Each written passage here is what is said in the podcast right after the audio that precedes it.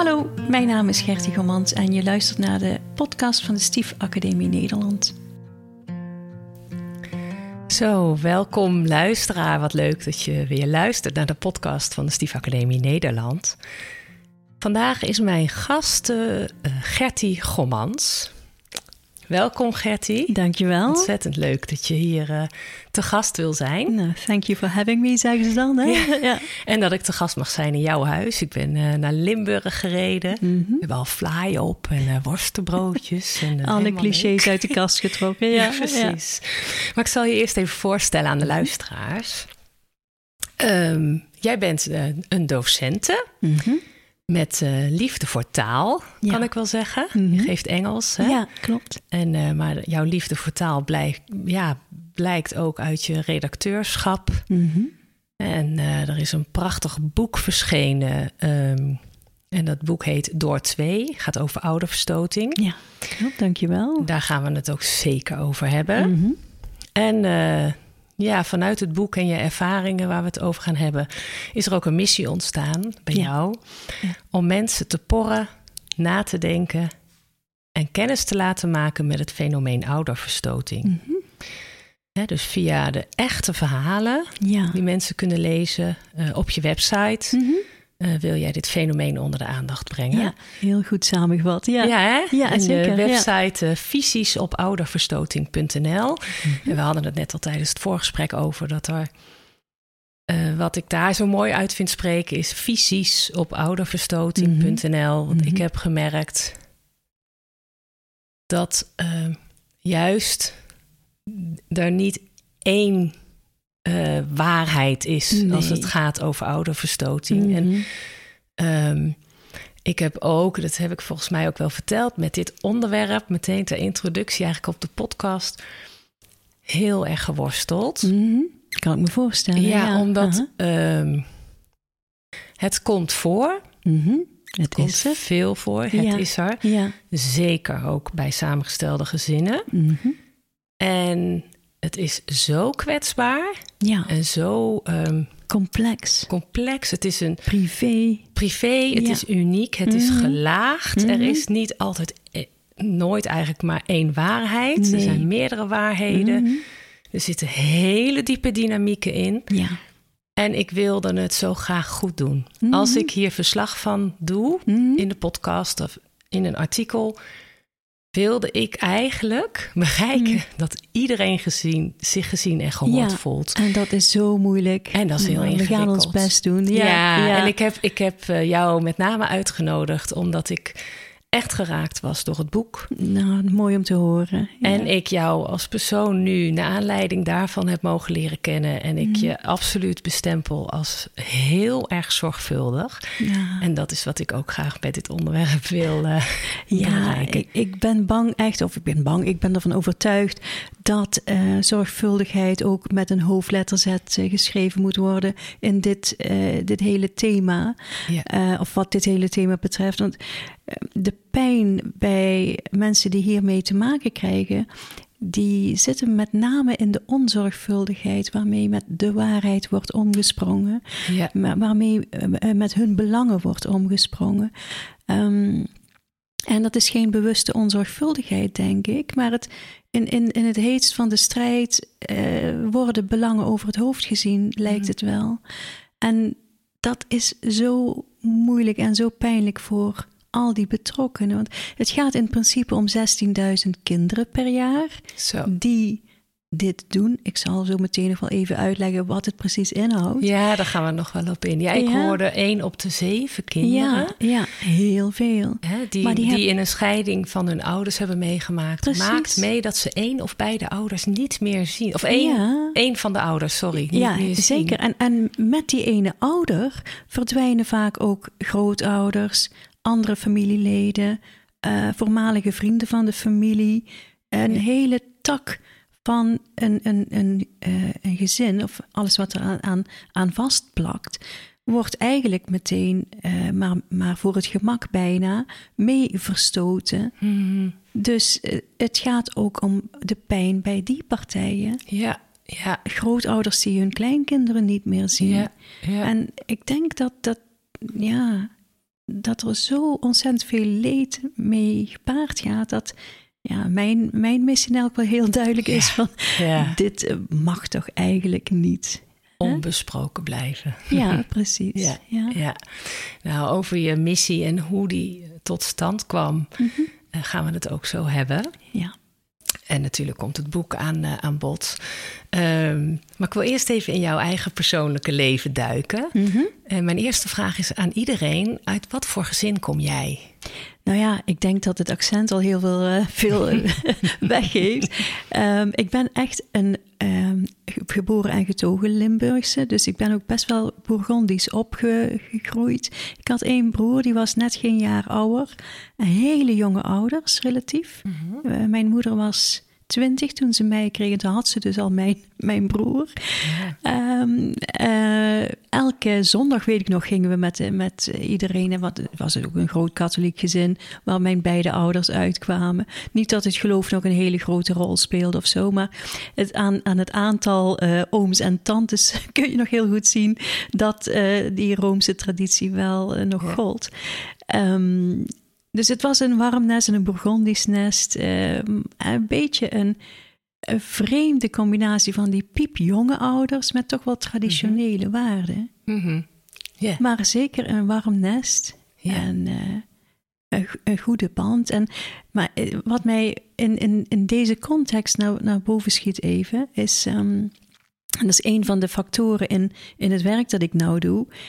Uh, mijn ouders hadden dus ook in het weekend vaak, vaak vrienden over de vloer en zo. Mm -hmm. En dus het was, kijk, er, er, stond voor mijn gevoel, ik weet niet of het feitelijk klopte, want we hebben het over de jaren zeventig. Ja. Dus er stonden altijd wel, wel uh, glazen met sigaretten op ja, tafel. Ja, ja, oh ja, en, ik heb en, helemaal een beeld. Ja, ja, ja, precies. En, en, en hier en daar een fles wijn of een flesje bier. In elk geval, het leven werd best gevierd. Mm. Mijn, mijn ouders waren twintigers toen wij opgroeiden. Um, dus ja, die, die vrienden die er over de vloer kwamen, ja, die waren niet altijd even handig met kinderen of zo. Er waren een heleboel bij, die hadden er nog geen. Mm. En ik kan me herinneren dat ik een keer op zo'n, op zo'n verjaardagsfeestje of wat dan ook, bij een van mijn ouders op schoot zat. En dan zal ik acht of negen zijn geweest. En een van die vrienden stelde mij de vraag: Goh, het is wel leuk, kennelijk bij je vader of moeder. Ik weet, ik weet niet meer precies bij wie ik op schoot zat. Mm. In elk geval, daar kwam de vraag Um, van wie van je ouders hou je nou het meest? Oh. En, ik, en ik, ik schoot meteen in een soort paniekstand. Ik vond het een onmogelijke vraag. Ja, Daar zelfs zat, op je acht, negenjarige ja, leeftijd kon je al voelen dat dat... Dat was een, dat was een onmogelijke keuze. Ja. Want daar zat mijn vader, met wie ik altijd uh, grapjes deelde... Die, die wij van elkaar meteen snapten. En mijn moeder schudde dan altijd zo een beetje nee. met haar hoofd van... ja, als jullie het maar leuk hebben. Het, ja. Die snapte dan die humor weer, weer niet helemaal. Wat ook prima was, want mijn, met mijn moeder had ik weer andere dingen... die die, die band sterk maakten. Ja. Um, dus na wat wikken en wegen weet ik nog dat ik tegen die persoon zei... Of, want ja, ik, ik, pff, ik hou van allebei evenveel. Ik kan daar, ik kan ja. daar geen uh, ik kan daar geen voorkeur in, nee. in, uitspreken. Of zo. Ik zal het niet zo verwoord hebben op die leeftijd. Nee. maar, maar, in ieder geval ja. kon jij duidelijk maken... dit is een vraag waar ik geen antwoord ja, op kan geven. Ik kan, ik kan niet zeggen wie ik liever vind of zo. Nee, nee, nee. nee. En, en ik denk wat dat betreft kan iedereen zich wel wat voorstellen bij ouderverstoting. Dat, dat, kijk, we hebben niet allemaal kinderen, maar wel allemaal ouders. En daarin kun je altijd wel, denk ik, relateren aan aan zo'n keus die je niet wil maken. Ja, ja. Ja, ik en, kan me daar ook heel veel bij voorstellen. Mm -hmm. Als, die, als ik zou moeten kiezen, dan zou ik het ook niet weten. Mm -hmm. Onmogelijk, hè? Ja, ja. Ja, ja. ja. ja want ik vind het ook wel mooi hoe je dat zegt: van uh, niet iedereen heeft kinderen, maar iedereen heeft ouders. Dat is zo, ja. Ja, ja. ja. We zijn het, allemaal de zoon of dochter. Of ja, ja. ik wil nog niet gender. Uh, nee, snap het? het. Ja, ja, ja. maar, maar, ja, dus we zijn inderdaad we allemaal, iemands kind. Ja. Ja, ja, ja. En dat is ook denk ik de reden waarom ik die vraag ook zo graag stel aan het begin. Omdat mm -hmm. dat ook altijd meedoet. Mm -hmm. Waar kom je vandaan? En wat neem zeker. je vervolgens mee je leven in? Hè? Ja, ja. En, uh, want hoe ging dat bij jou? Je ging opgroeien. Mm -hmm bij deze ouders, waar ja. je natuurlijk niet tussen hoefde te kiezen, gelukkig. Nee, nee. Ze zijn eh, tot op de dag van vandaag bij elkaar. Oh, wat fijn zeg, wat fijn. Ja, nou je weet zeker door je werk uh, hoe dat anders het, anders het ook kan zijn. ja. Maar je groeide op en nou ja, mhm. dan komt er op een gegeven moment een, een liefdesleven. Ja, nou, ja. en dan komen inderdaad die traditionele waarden. Ik weet dat mijn moeder ooit riep, uh, terwijl we de hond aan het uitlaten waren. Nou, als je met iemand naar bed gaat, dan zit je er wel aan vast hoor. Dat was gewoon ah. de eigen ervaring.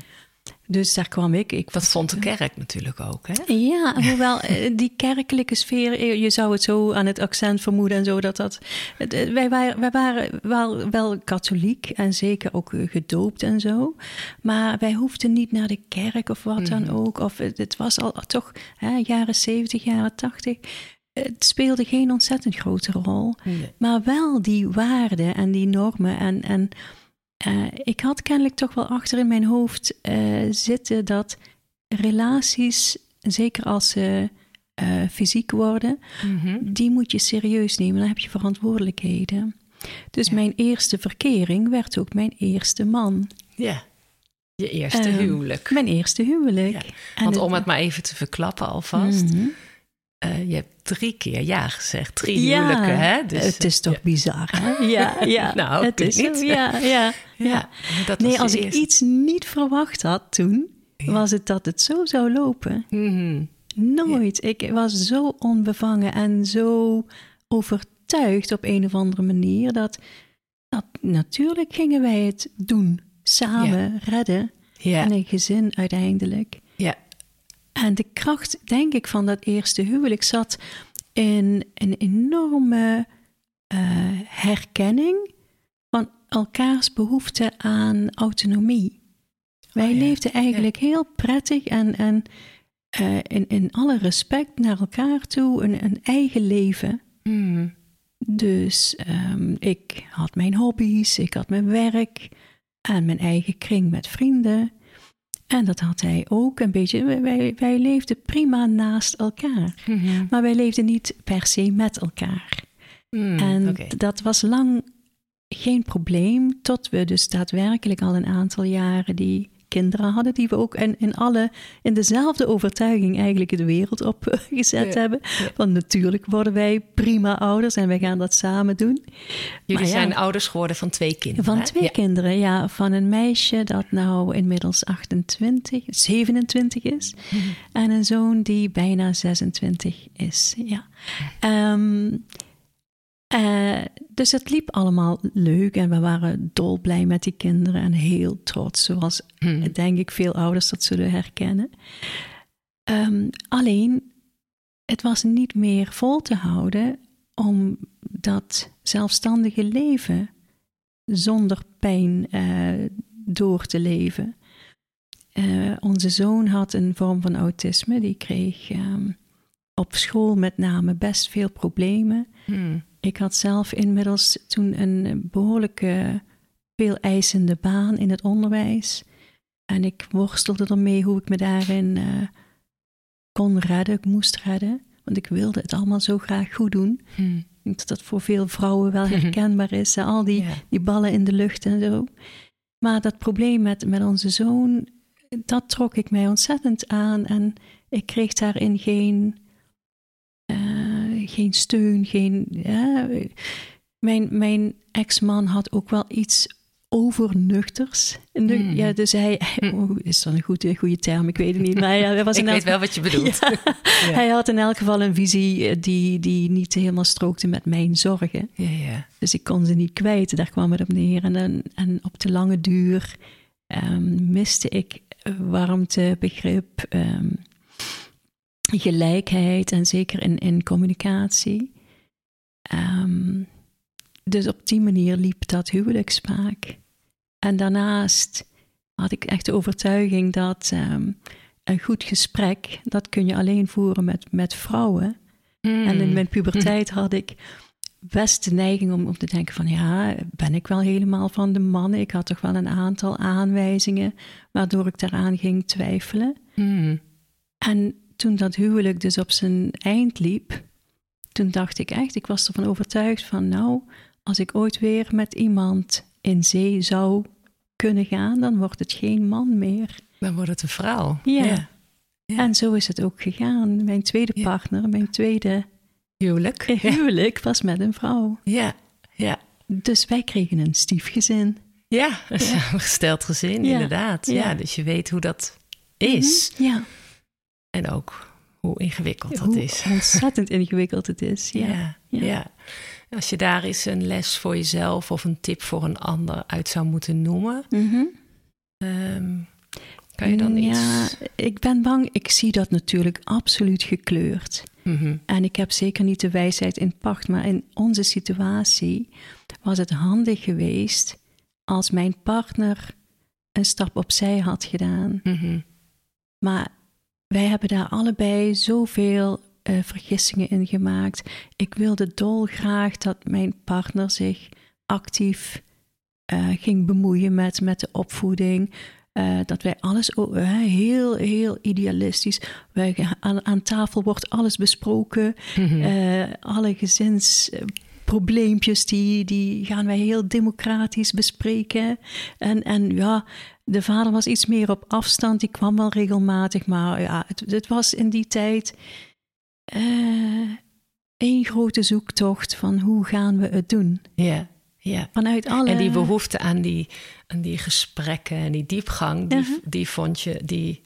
Al meer dan voorheen, ja. Ja, die, die, mm-hmm. uh, Mm zocht je geloof ik ook hè? Bij, de, bij de vrouwen meer. Ja. Dus je dacht dat je als twee vrouwen dat ook zo samen als een soort nieuw gezin, mag ik dat aannemen? Zeker, zeker. Zou kunnen runnen. Ja. ja. Maar ik moet toegeven dat vanuit het ideaal dat zich in mijn hoofd had gevormd, was het in het begin ook nog wel, nou ja, Mm, het leek erop dat dat ideaal te verwezenlijken was. Met heel veel pijn en moeite en heel veel mhm. liefde hebben wij dat allemaal willen neerzetten. Mm.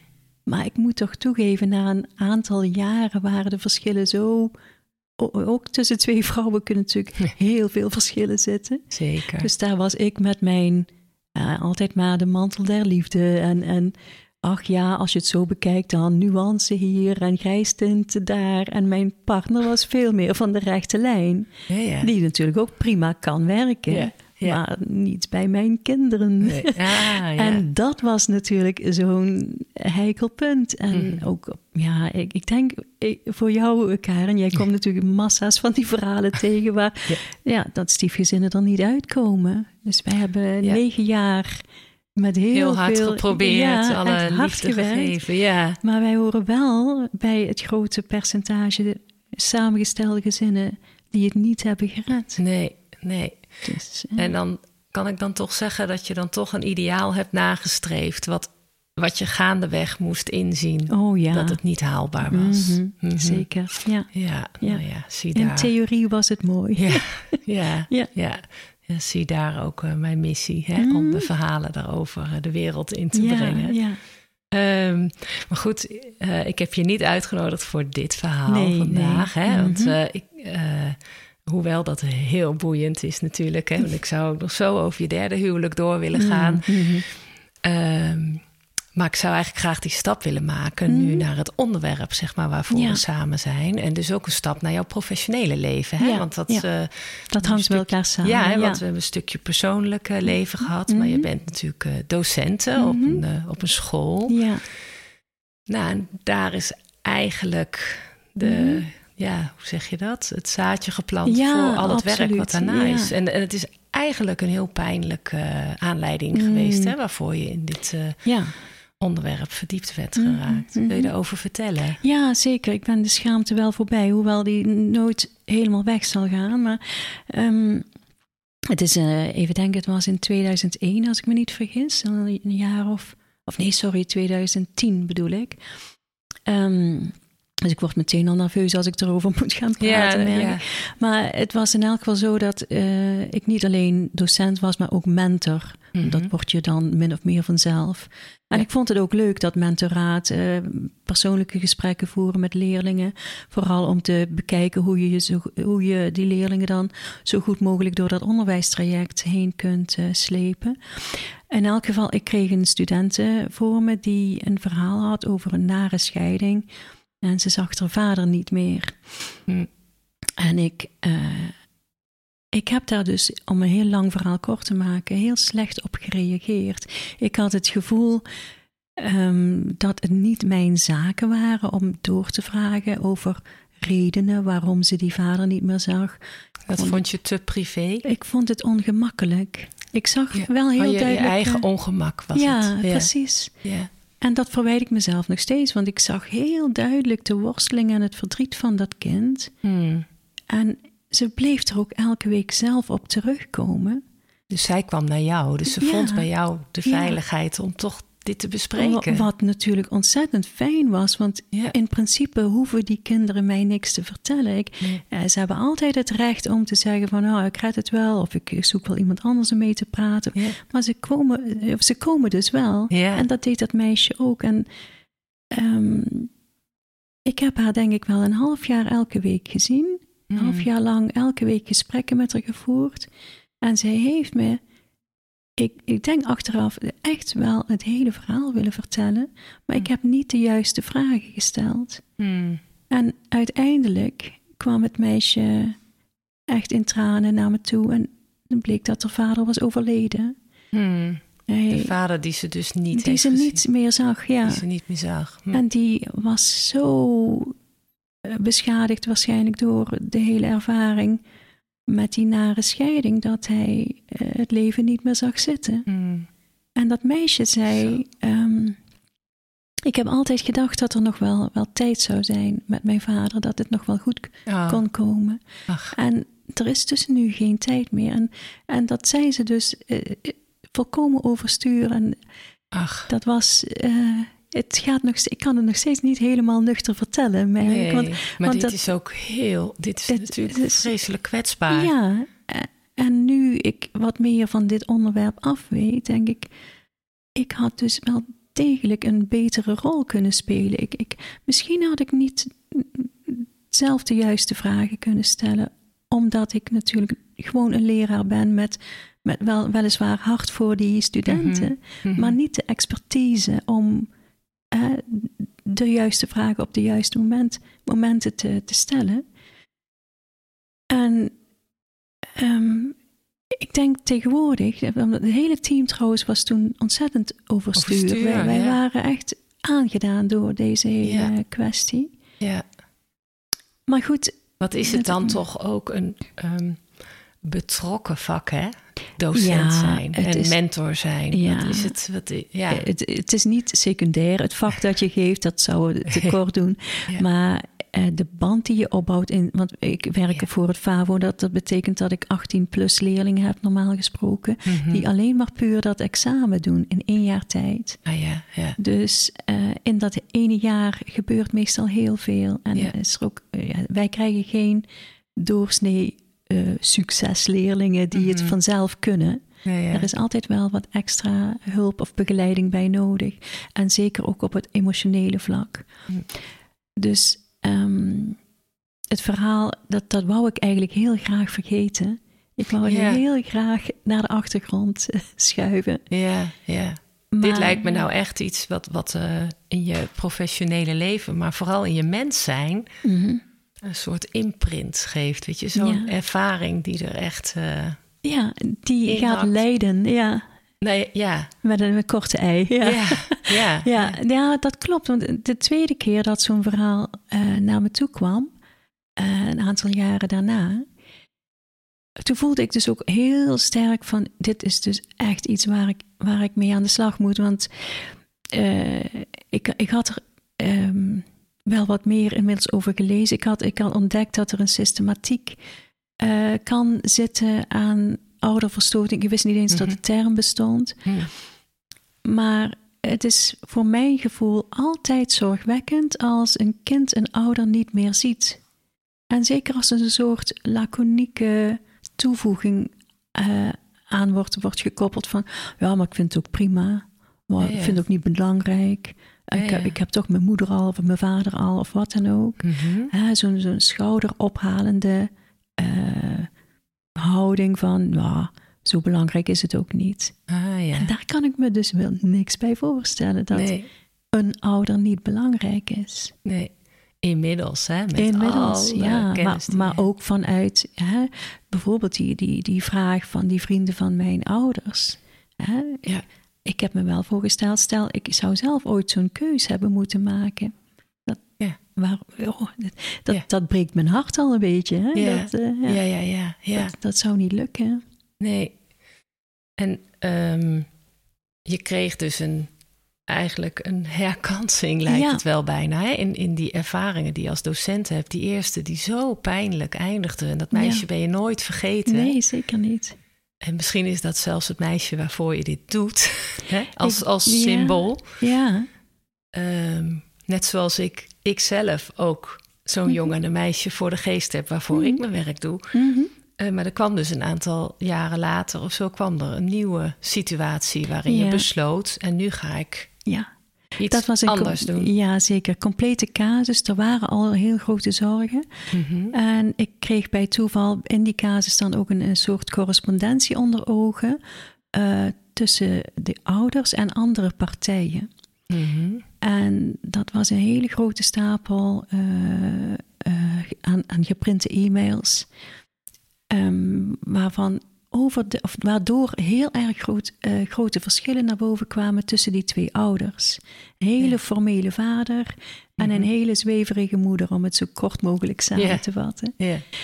Um, en dat verhaal van, van hun scheiding, die heel plotseling kwam en die ook meteen zorgde dat de deur dichtging, uh, dat het gezin van vier personen acuut van, van vier naar twee ging.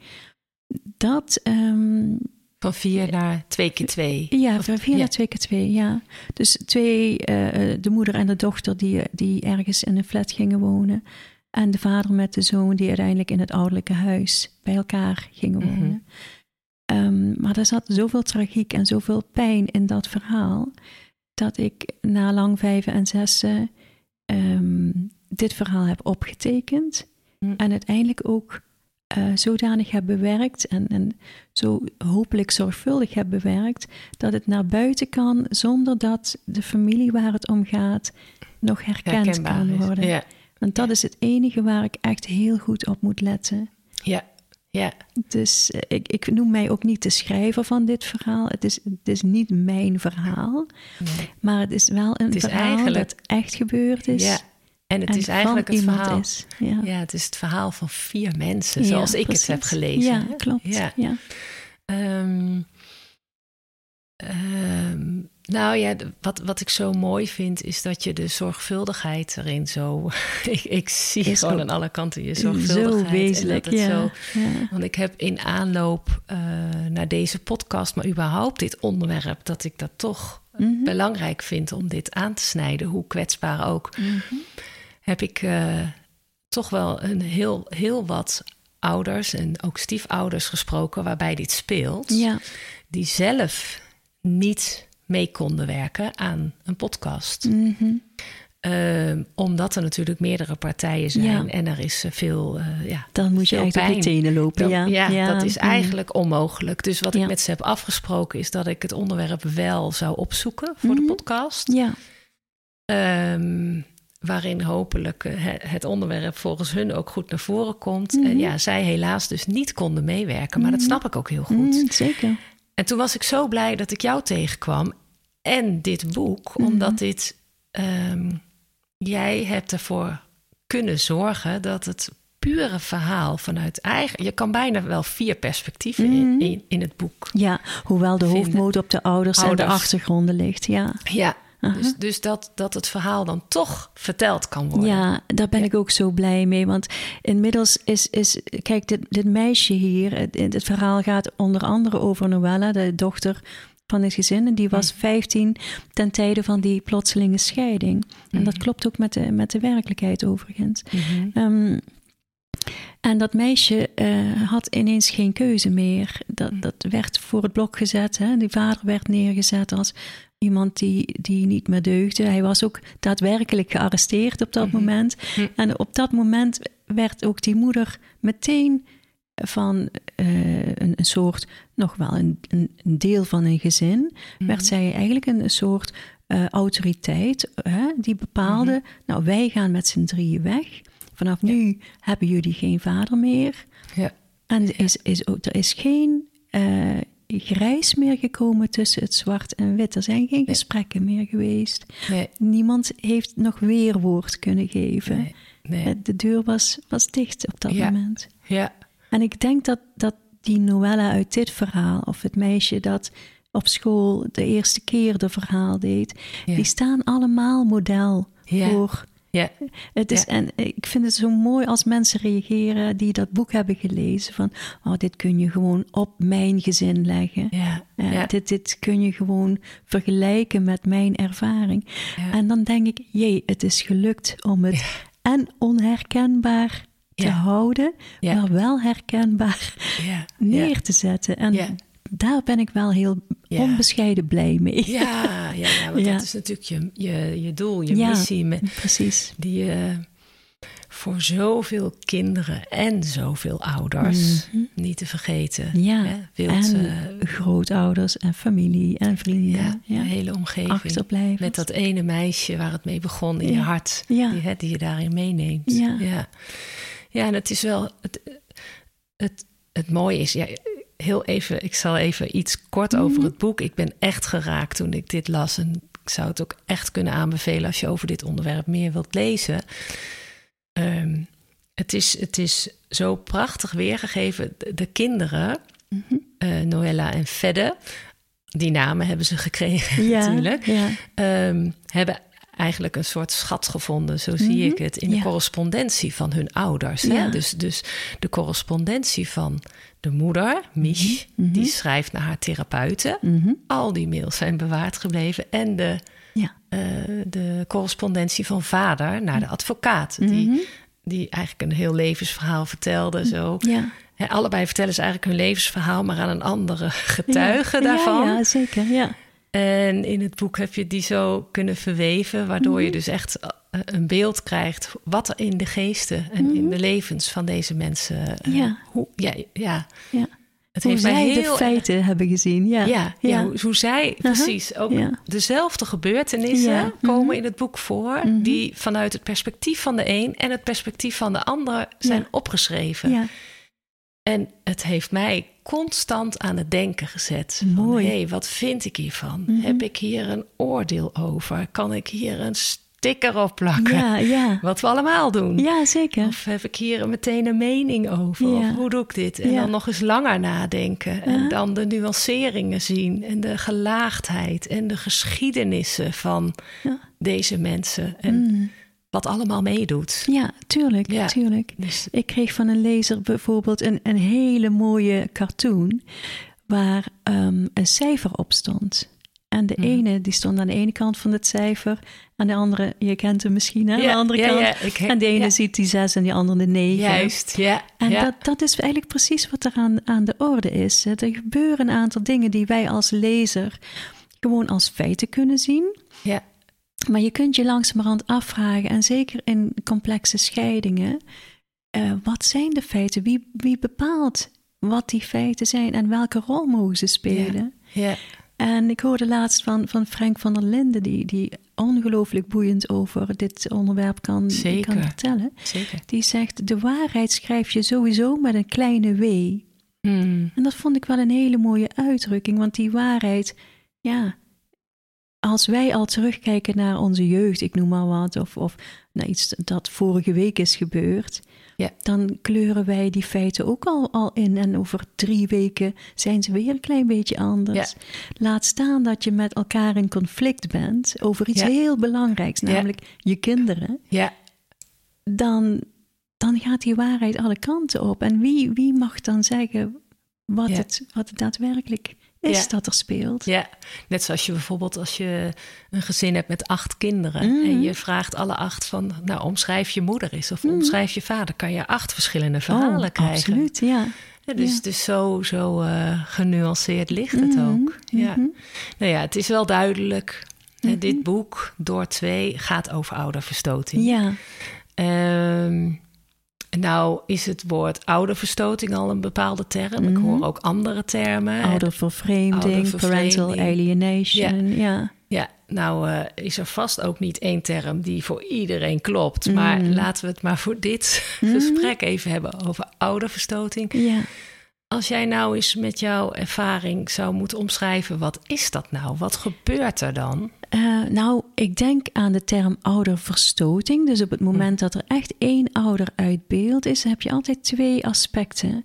Hm. Namelijk, het ene aspect is dat het kind zelf uh, verwoordt of zegt of bepaalt: Ik wil die ouder niet meer zien. Ik mhm. kom niet meer bij je op bezoek.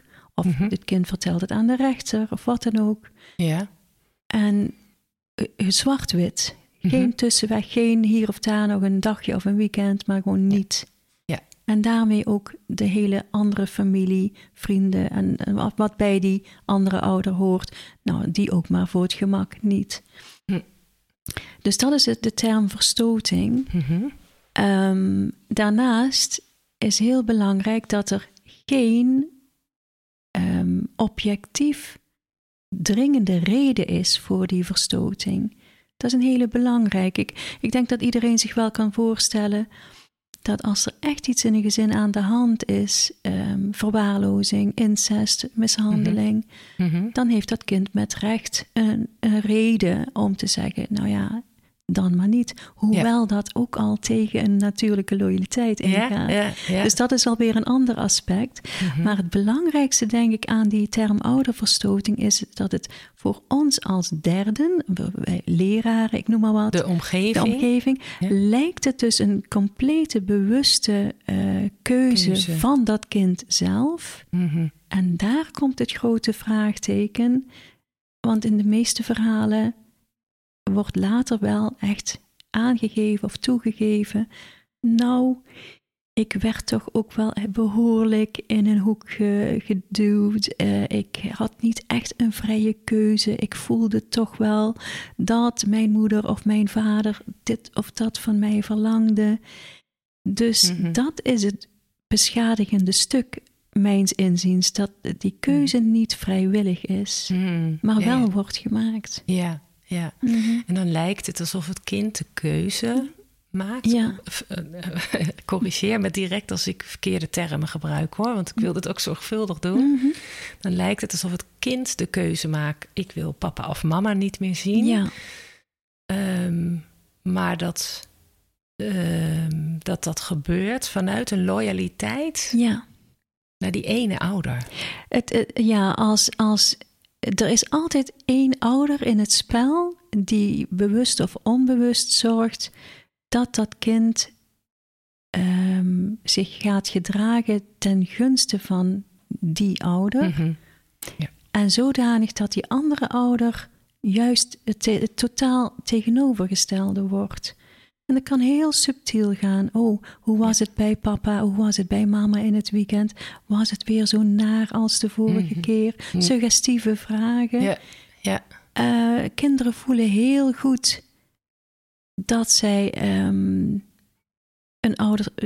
Ze voelen zich soms gedwongen om te pleasen ook. Hè? Mhm, een ouder heeft al verdriet. Misschien is er uh, Heel veel naars in het spel bij die scheiding. Is een van die ouders vreemd gegaan.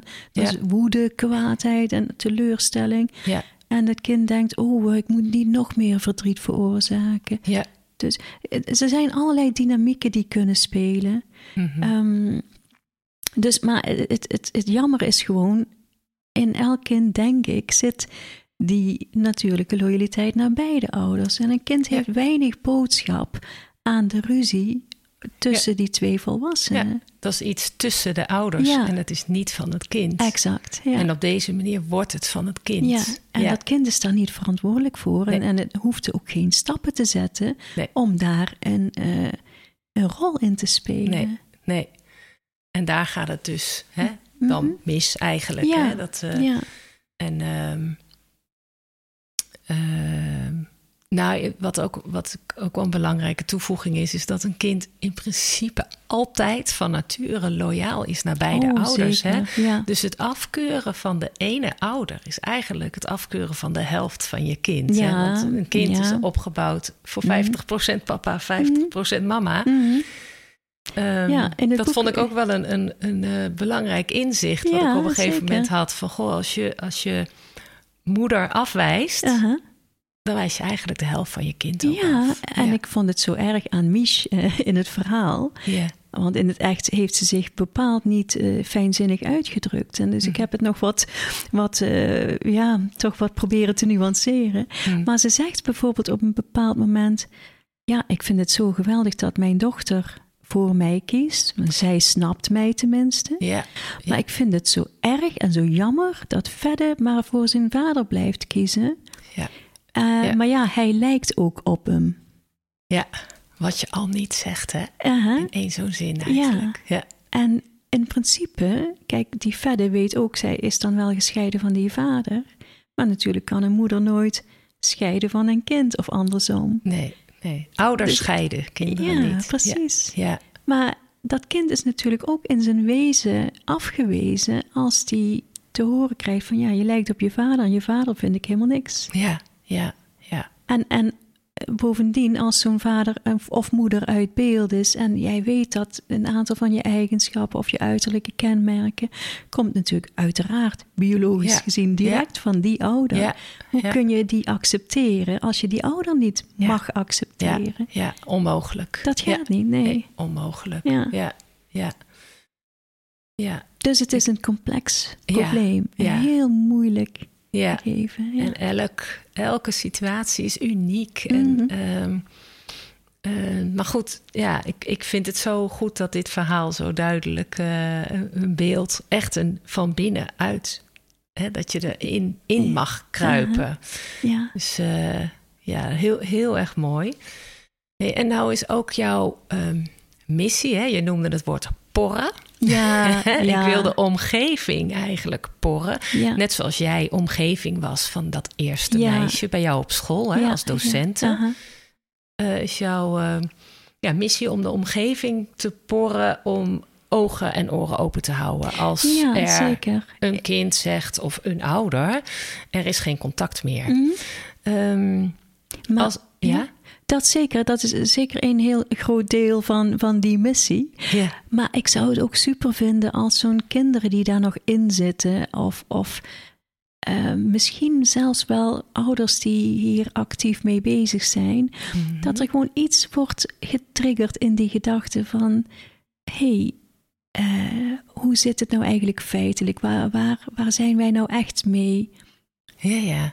bezig ja. bijna? Ja dat, dat zou ik zo fijn vinden. Dat het net zoals een boek dat je leest of een film die je ziet, kan iets met je gedachten doen. Ja, ja kan je het inzicht geven. Ja, Dus, dus vandaar dat ik ook die website aan het boek heb gekoppeld. Bijvoorbeeld om, om, om ik hoop gewoon dat mensen. Kijk, mijn ouders vroeger, om we terug weer even op, op die jaren 70, jaren 80 jeugd te, te komen. Mijn moeder was zelf uh, opgevoed door een hele behoudende moeder. Die mhm. durfde niks te benoemen. Je, je, je, je kunt oh, je daar vast wel iets bij voorstellen. Dus toen mijn moeder ongesteld werd, nou, daar werd een heel raar verhaal van gemaakt, maar in elk geval niet de feiten. En mijn moeder was daar best door getraumatiseerd. Die vond dat mhm. zij dat absoluut anders moest doen. Dus naar mijn broer en mij toe, nou, wij werden vanaf onze kleutertijd al, al kapot gegooid met boekjes over hoe kinderen in de buik groeien en zo. En, en ja, jee. En, maar mijn moeder ging dus niet het gesprek met ons aan. Want die voelde heel goed, ja, ik kan wel met mijn kinderen hier op de bank gaan zitten, maar uh, hoe moet ik dat allemaal brengen? Maar zij legde heel subtiel overal boeken neer en tijdschriften neer. En, en mijn broer en ik verslonden die uiteraard. Hè.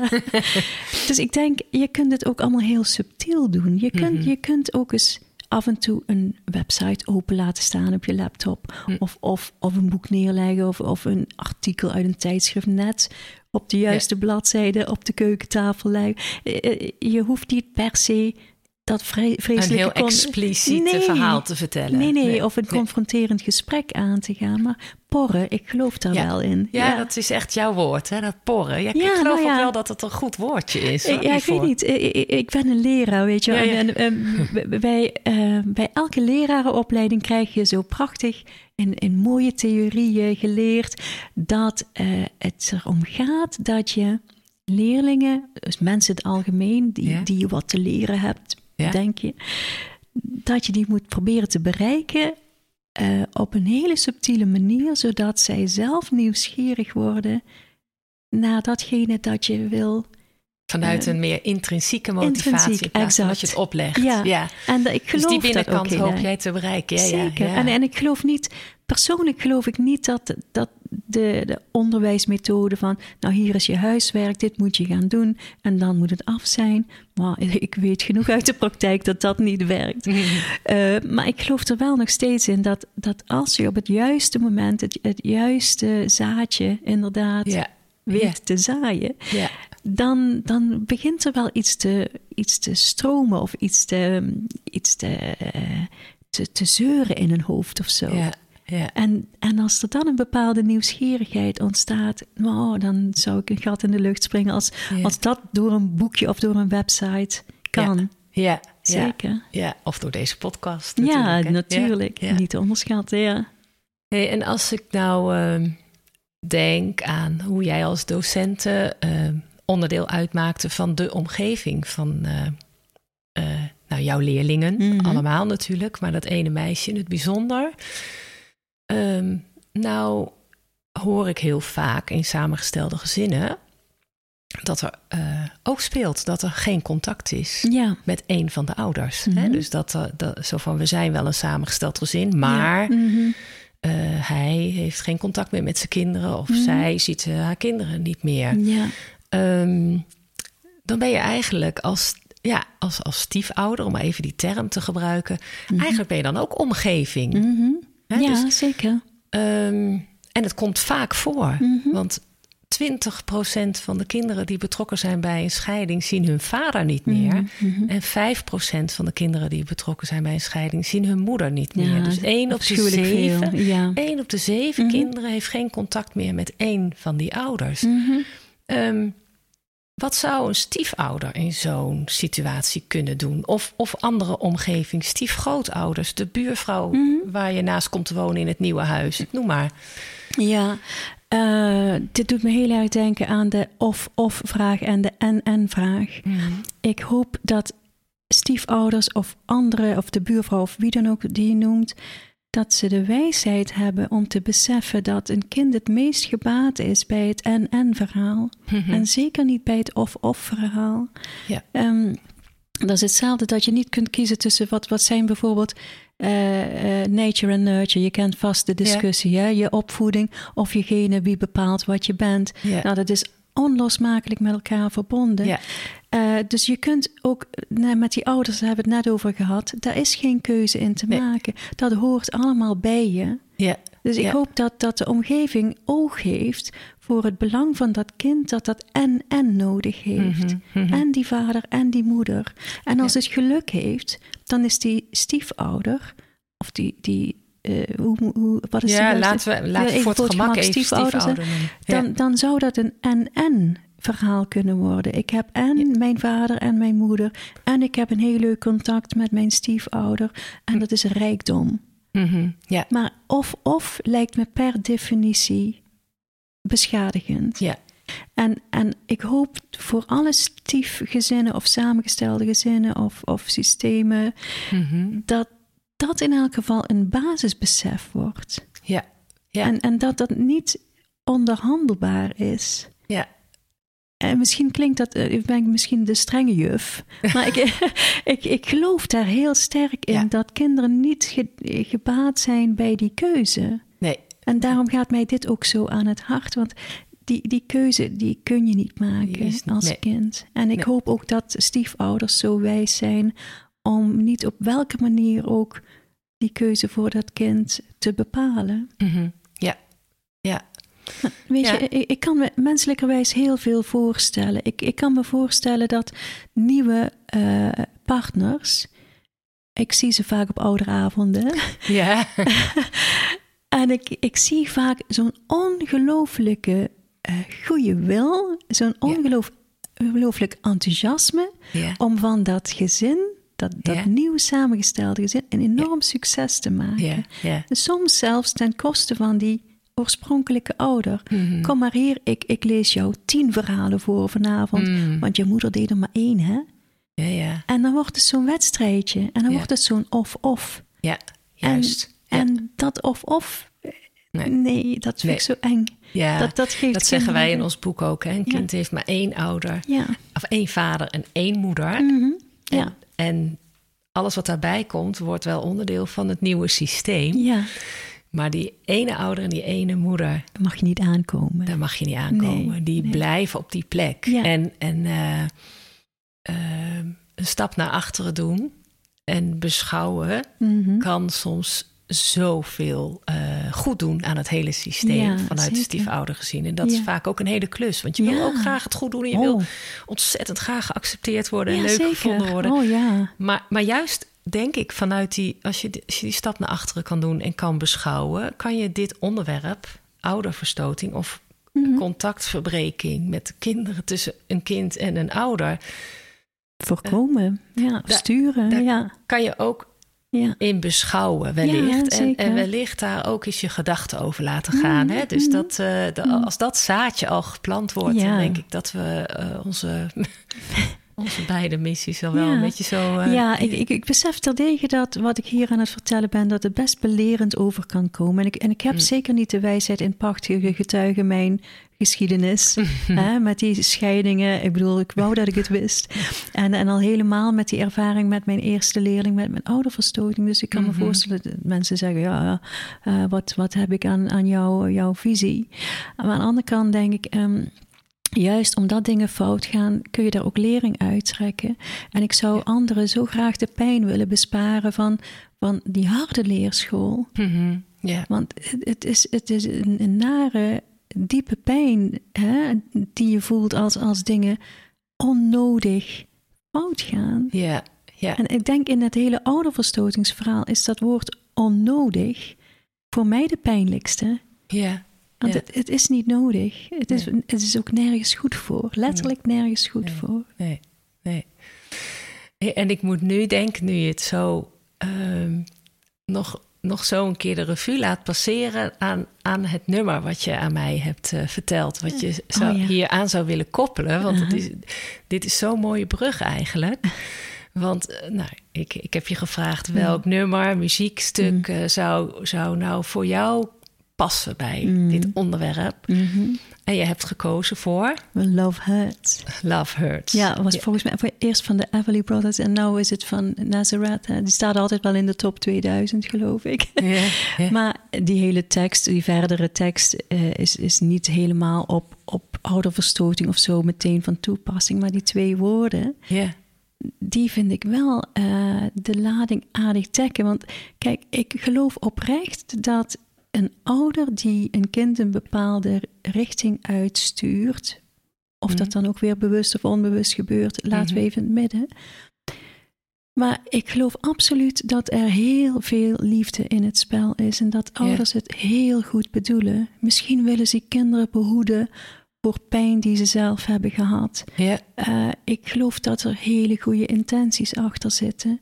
Alleen, ja, ja, je doet in principe dan wel iets dat juist je kind beschadigt. En, en dat is zo'n moeilijk en ook een pijnlijk besef voor sommige ouders dat ze veel liever in die rol blijven dan dat ze ook maar ooit inderdaad een stap opzij of terugzetten en gaan beschouwen. Zo moeilijk. Ja, Maar de basis is wel liefde. Maar liefde kan ook pijn doen. Het kan ook verstikken. Kan, ook, kan ook juist iemand beschadigen. Ja ja.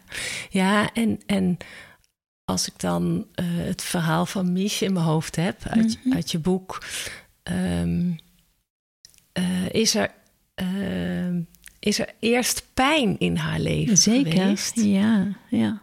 En als je zo kan kijken hè, in haar geschiedenis, is pijn en een verlangen naar liefde. Oh, een enorm verlangen naar liefde. Ja, zij en, strekt haar armen voortdurend uit. Ja, ja en dat is, dat, als ik dat lees, dan, dan bloedt mijn hart eigenlijk ook. En tegelijkertijd vanuit die liefde en het verlangen naar liefde... en het zo mhm. goed willen doen, vanuit liefde mhm. doet het weer pijn. Ja, ja. En... en ehm, ik, ik, had, ik heb van de week het webinar over ouderverstoting uh, bekeken vanuit het programma Scheiden zonder schade. Mhm.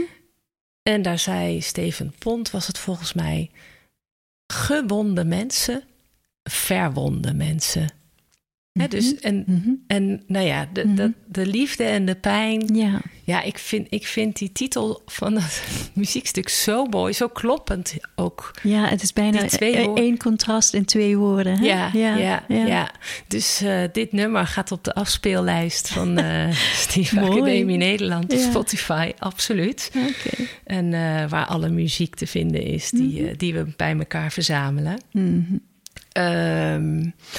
ja, en daarmee, ik, ik weet zeker, wij kunnen hier nog heel lang over door, uh, doorpraten. En ik weet zeker dat ik dit onderwerp ook nog wel op andere manieren uh, aandacht zal geven. mooi, ja. Um, maar ik wil uh, toch, hoe moeilijk ook, mhm. zo naar het einde toe. Oké. Ehm, wil ik je, nou, ik wil je nog één vraag stellen. Is er nog iets volgens jou wat we vergeten zijn te vertellen? Of wat, wat, wat je nog wil ja, nou, meegeven? Nou, ja, het, is, het lijkt natuurlijk allemaal eigenbelang of zo. Dat is voor een deel. Maar ik ben, ben zo op zoek naar mensen die hun uh, eigen verhaal willen vertellen. Mm -hmm. uh, die website die je in het begin noemde, Visies op Ouderverstoting, dat is eigenlijk niet meer dan een soort doorgeefluik voor andermans verhalen. Ja. Want dan kom je weer aan dat extrinsieke en intrinsieke. Ja. Ik hoop zo dat, dat andermans ervaring en de pijn die daar meestal uh, ja, want de ouderverstoting zonder pijn is ondenkbaar. Ja, Uh, dus die pijn die daarin voelbaar is, dat die aankomt bij lezers van die stukken. Ja. En dat ze zelf gaan nadenken, dat, dat ze misschien net wat beter gaan kijken en luisteren in hun omgeving. Want speelt het bij iemand? Ja. Uh, of heb ik zelf een andere rol dan ik altijd heb gedacht? Hè? Dat, ja. dat porren. Ja, ik, Zou, ik zou zo graag willen dat mensen durven uh, heel open hun verhaal te vertellen, desnoods anoniem. Ja. ja. Maar wel zodanig dat ze voor anderen toegankelijk zijn en dat anderen daarvan kunnen leren. Ja. Dus ik wil echt wel heel. Het is niet, ik verdien geen cent met die hele website of wat dan ook. Maar ik zou het zo, zo fijn vinden als, als zij die, die website gaan zien als een mogelijkheid om naar buiten te treden met hun ervaring. Zodat uiteindelijk dit een onderdeel kan zijn van de oplossing, hoop ik. Ja, moet weg, dus, hè? Ja, moet weg. ja, zeker. Nou, dat is, dat is wel helemaal duidelijk hoor, uh, okay. uit je verhaal. Dus bij deze ook een oproep, hè, luisteraars die dit, uh, uh, die, die hun verhaal hierover zouden willen delen, desnoods anoniem, mm -hmm. die kunnen op jouw website www.visiesopouderverstoting.nl mm -hmm. kunnen ze jou be benaderen, ja. bereiken. Mm -hmm. Er staat zelfs een telefoonnummer bij. Nou, en ik heb gezien dat het gewoon je mobiele nummer is. Ja, je bent ja, ontzettend ja. bereikbaar. Ja. En uh, uh, om, om, uh, ja, om deze verhalen juist te delen. En juist, ja, ik denk de mensen zelf, hè, of de, de, degene die het betreft zelf, hebben zoveel mogelijkheden die ze misschien uit angst of wat dan ook niet benutten. Ik begrijp dat wel. Maar de verhalen zijn, zijn zo belangrijk. En ik denk uh, dat misschien wel wordt onderschat hoeveel kracht dat ze kunnen hebben, die praktijkverhalen. Ja, ja, ja. Mm. Nou, ontzettend bedankt. Jij bedankt. Uh, ontzettend bedankt ook voor het uh, in de wereld brengen van het boek Door Twee. Ja, met, ja, met alle plezier kan ik ja, niet, ja. maar, maar graag gedaan. Ja, en nou, we hebben het er vooraf ook even over gehad. Mm -hmm. Nou, je wil dit zo uh, uh, ook met de luisteraars van deze podcast delen. Dus mm -hmm. we hebben maar liefst vijf exemplaren van het boek Door Twee te vergeven. Ja. En um, nou, dat, als je nou luistert en je denkt, nou, dit boek dat wil ik echt lezen. Iedereen moet het lezen hoor, vind ik. Maar uh, als je dit nou zou willen ontvangen voor jezelf of voor iemand anders om het cadeau te doen, dan maak je kans op een van die vijf exemplaren. En hoe doe je dat nou? Uh, door in ieder geval mij een mail te sturen. Met de reden waarom jij dit boek zou willen voor jezelf of voor een ander. En die mail die kan je sturen naar podcast.stiefacademienederland.nl. En uit de eerste 30 mailtjes die ik daarin ontvang, gaan Gertie en ik samen vijf personen kiezen die dit boek ontvangen. En uh, je komt daarmee ook automatisch op de verzendlijst van, uh, van onze nieuwsbrief. Je mag je altijd uitschrijven. Maar in de nieuwsbrief uh, die daarop volgt, zullen we dan ook laten weten wie die vijf gelukkigen zijn geworden. Mooi. Dus heel erg fijn dat je deze vijf ter beschikking stelt voor de luisteraars van Ja. de podcast van de Stief Academie Nederland. Oké.